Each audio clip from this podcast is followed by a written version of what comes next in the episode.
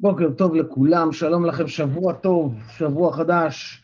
אנחנו עוסקים בעיוותי חשיבה, כדרך ללמוד לשלוט במחשבות שלנו, ברגשות שלנו, אה, בחיים שלנו. והיום אנחנו נמצאים בעיוותי חשיבה מספר 6, ועיוותי חשיבה מספר 6 מדבר על פרסונליזציה והאשמה. אז מה זה פרסונליזציה והאשמה? קודם כל, מה זה עיוותי חשיבה? אמרנו, הרגלים מחשבתיים, זה רק דרך שאני רגיל לחשוב בצורה הזאת, רק שהיא הרסנית, וכדאי לנו להיות ערים לזה, כדי שנוכל לייצר הרגלים חדשים, יותר אפקטיביים, יותר מועילים לחיים שלנו, יותר מקדמים אותנו. פרסונליזציה זה כשאנחנו לוקחים אשמה חסרת פרופורציות על אירועים שקורים או פעולות של אנשים אחרים.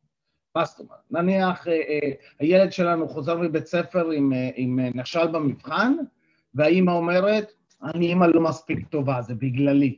אולי לא בגללך, אולי בגלל המורה, אולי בגלל החומר שהיה קשה מדי, אולי כי הילד פשוט עצלן.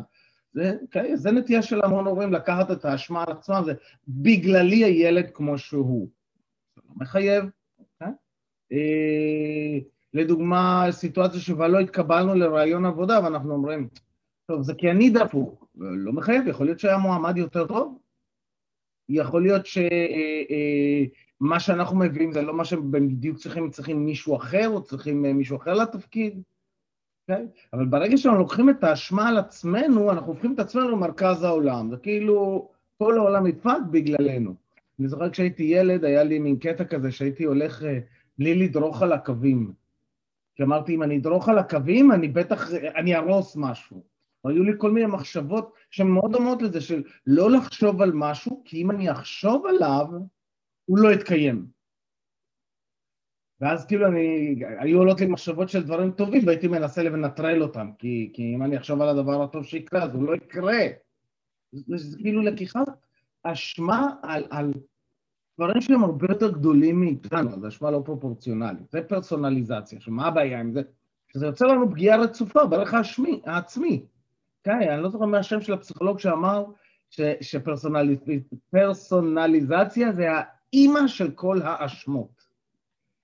כי אני מאשים את עצמי על הרבה דברים שקורים שם, אני מאשים את עצמי בזה שהנישואים התפרקו, אני מאשים את עצמי בזה שהעסק נפל, אני מאשים, יש עוד מלא דברים, אולי הקורונה דווקא את העסק. כן, אבל יכלתי לעשות את זה אחרת, יכלתי... אה, חכמים בדיעבד. זה לא חוכמה, אוקיי? אז, אז מה כן החוכמה? החוכמה היא לא לקחת את הכל כדבר אישי. כן, לבוא ולהסתכל, אוקיי, זה לא רק אני. מה עוד יכול להיות שגרם לעסק לקרות? מה עוד יכול להיות שגרם לילד להיכשל במבחן? מה עוד, ברור, אז החשיבה הראשונה היא כשאתם מוצאים את עצמכם, מאשימים את עצמכם, לקפוץ רגע, זה לא רק אני, מה עוד יכול להיות שגרם לזה? איזה עוד אלמנטים? ואז אנחנו מתחילים להגדיל ולשחרר קצת מהשליטה שאנחנו חושבים שיש לנו. העיוות, הצד השני של, של הפרסונליזציה, שזה האשמה של עצמי, זה האשמה של אחרים. ופה אנחנו שוב, על, אנחנו מאשימים אחרים על אירועים שלא בהכרח בשליטתם המלאה. כלומר, אה, אה, אמ, בן זוג שמגיע אליי לטיפול, ואומר, לא, מי שצריך את הטיפול זו אשתי. הבעיה, הבעיות בזוגיות שלנו זה בגללה, לא בגללי. נכון? אני בסדר, אוקיי? Okay? במקום הזה אני תמיד אומר, אה, שווה לזכור שכשאני מצביע על מישהו, יש שלוש אצבעות שמחזירות את זה אליי ואומרות, אוקיי, ומה הבעיה תחת אחריותי, אוקיי? Okay? או שיש בעיות כלכליות, ואנחנו אומרים, טוב, זה בגלל שהיא מוציאה הרבה כסף. זה לא אני שלא מכניס אולי מספיק, זה לא היא שלא מכניסה, זה, זה כאילו היא לא מכניסה מספיק, זה לא אני שמבזבז, כן? אז האשמת האחר בעצם יוצרת התקרבנות עצמית. וכשאנחנו סובלים מהתקרבנות עצמית, יש לנו חוסר יכולת פעולה, כאילו, אין לי מה לעשות. כי הוצאתי את הכוח, מה, את הכוח מהידיים שלי. אז במצב הזה אנחנו רוצים לשאול, אוקיי, אז מה כן תחת אחריותי ובשליטתי? מה אני יכול לעשות בנדון? כשאני הולך למה אני יכול לעשות בנדון, אני הופך להיות אחראי. וזה מאוד חשוב להבדיל בין אשמה לאחריות. כן, דיברנו על זה במפגשים הקודמים שדיברנו על נושא של אשמה. אשמה מדברת על העבר, על מה שהיה.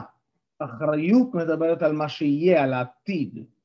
אוקיי? Okay? אז כשאנשים אומרים, המחדל שהיה הוא באחריותי, הם בעצם עושים סוג של מכבסת מילים, כי הם גורמים לכולם להרגיש טוב, אבל הם לא אומרים מה הם הולכים לעשות בנדון. אז כאילו, כשנדבר על משהו שהיה זה אשמתי, אז שווה לשים לב בין אשמה ואחריות, ולכן האשמה, בין אם זו אשמה אישית או האשמת האחר, לא מניעה לפעולה, אחריות מניעה לפעולה. אחריות זה, יש משחק מילים יפה בעברית, אחריות אחר היות. באנגלית responsibility, response ability, היכולת להגיב אחרת, להחליט איך אני אתנהג אחרת, מה אני אעשה שונה, מה אפשר לעשות אחרת, מה אני, מה אחרים, מה אפשר. אוקיי? זה, זה להרחיב את הראייה מה, מהפריזמה הצרה של אני אשם או אתה אשם. מגניבי שם? יש? תנו לי thumbs up. אז אני אוציא אתכם אה, אה, לשלושות, או, היום אנחנו ממש בזמנים. אה, אני מוציא אתכם לקבוצות, ובקבוצות אתם שואלים שלוש שאלות. שאלה ראשונה, איפה זה פוגש אותך? כלומר, איפה אתה, את עדיין עסוקים בהאשמת עצמכם או אחרים? רק כדי שתבינו את זה, נראה ב, ב, במקרה קיצון, אישה מוכה. אישה מוכה, או גבר מוכה, מאשימים את עצמם בהתנהגות הלא בריאה של הצד השני. ולכן הם נשארים שם במערכת, כי אני אשם שהיא מרביצה לי, או אני אשמה שהוא מרביץ לי. Okay? כן, זה כבר מצב של ערך עצמי, חיכה עצמית טוטאלית. זה מצב אקוטי כבר, אה, אה, מצב קריטי. Okay? כן? איפה זה פוגש אותי שאני עסוק בלהאשים אה, בלי פרופורציות? אותי, אחרים. שתיים, משימה אחת שאני הולך לעשות היום, לא בהכרח בקשר לזה, משימה אחת, יש לנו שבוע חדש, חמש משימות שאפשר לעשות השבוע, משימה אחת שאתם הולכים לעשות היום, שלוש, באיזה הלך רוח בא לכם להיות היום. עכשיו זה מאוד מעניין, כי אם אני מזהה שאני עכשיו עסוק בהאשמה עצמית במקום שפתאום כרגע אני קולט שוואו, אני מאשים את עצמי בגירושים כבר עשרים שנה, אני לא בהכרח אשן לבד, איזה באסה. נכון? כאילו, אני יכול להרגיש רע על זה שעשיתי את זה. או אני יכול לבחור באיזה הלך רוח אני רוצה להיות כשאני מתייחס אל הנקודה הזאת. אם אני בוחר להיות בהלך רוח מרחיב, פותח, אה, מעצים, הרבה יותר קל לי להתמודד עם ההבנות האלה, עם התובנות האלה, עם המסקנות. יותר קל לי להתמודד עם הדברים האלה. אז תבחרו איזשהו הלך רוח שמעצים אתכם. איפה זה פוגש אותי? איפה אני עסוק בפרסונליזציה, האשמת עצמי או האשמת אחרים? משימה אחת שאני רוצה לעשות היום, ובאיזה הלך רוח בא לי להיות היום. היי, נעצור את ההקלטה. ברוכים החוזרים. וואו, איזה כיף, הרבה אנשים חוזרים. איזה קטע. מעט אנשים בווידאו יוצאים, ואז חוזרים הרבה יותר. אז זה כאילו מאוד מגניב. אני אוציא אתכם הרבה. מה שלומכם? טוב, כן, מישהו רוצה לשתף? מה? נעשה את זה על ההתחלה. על ההתחלה נוציא אתכם. בוקר טוב, אתם יוצאים לשלשות, ואז נחזור ונדבר. אז כן, אה, מישהו רוצה לשתף ככה משהו שהוא זיהה שהוא עושה בחיים שלו? כן, רונית. אה, אני רוצה לשתף, קודם כל אתה אמרת פה משהו מדהים שאני מאוד מתחברת אליו, זה הנושא של אשמה שייך לעבר ואחריות זה אה, עתיד ומניע לפעולות. ובמשך שנים אני בכל אופן האשמתי את כל הסביבה ולא לקחתי אחריות. אה, לא שומעים רונית. אני מתנצלת, יש לי קצת הקלה. יופי, אז אני מתקרבת כמה שאפשר.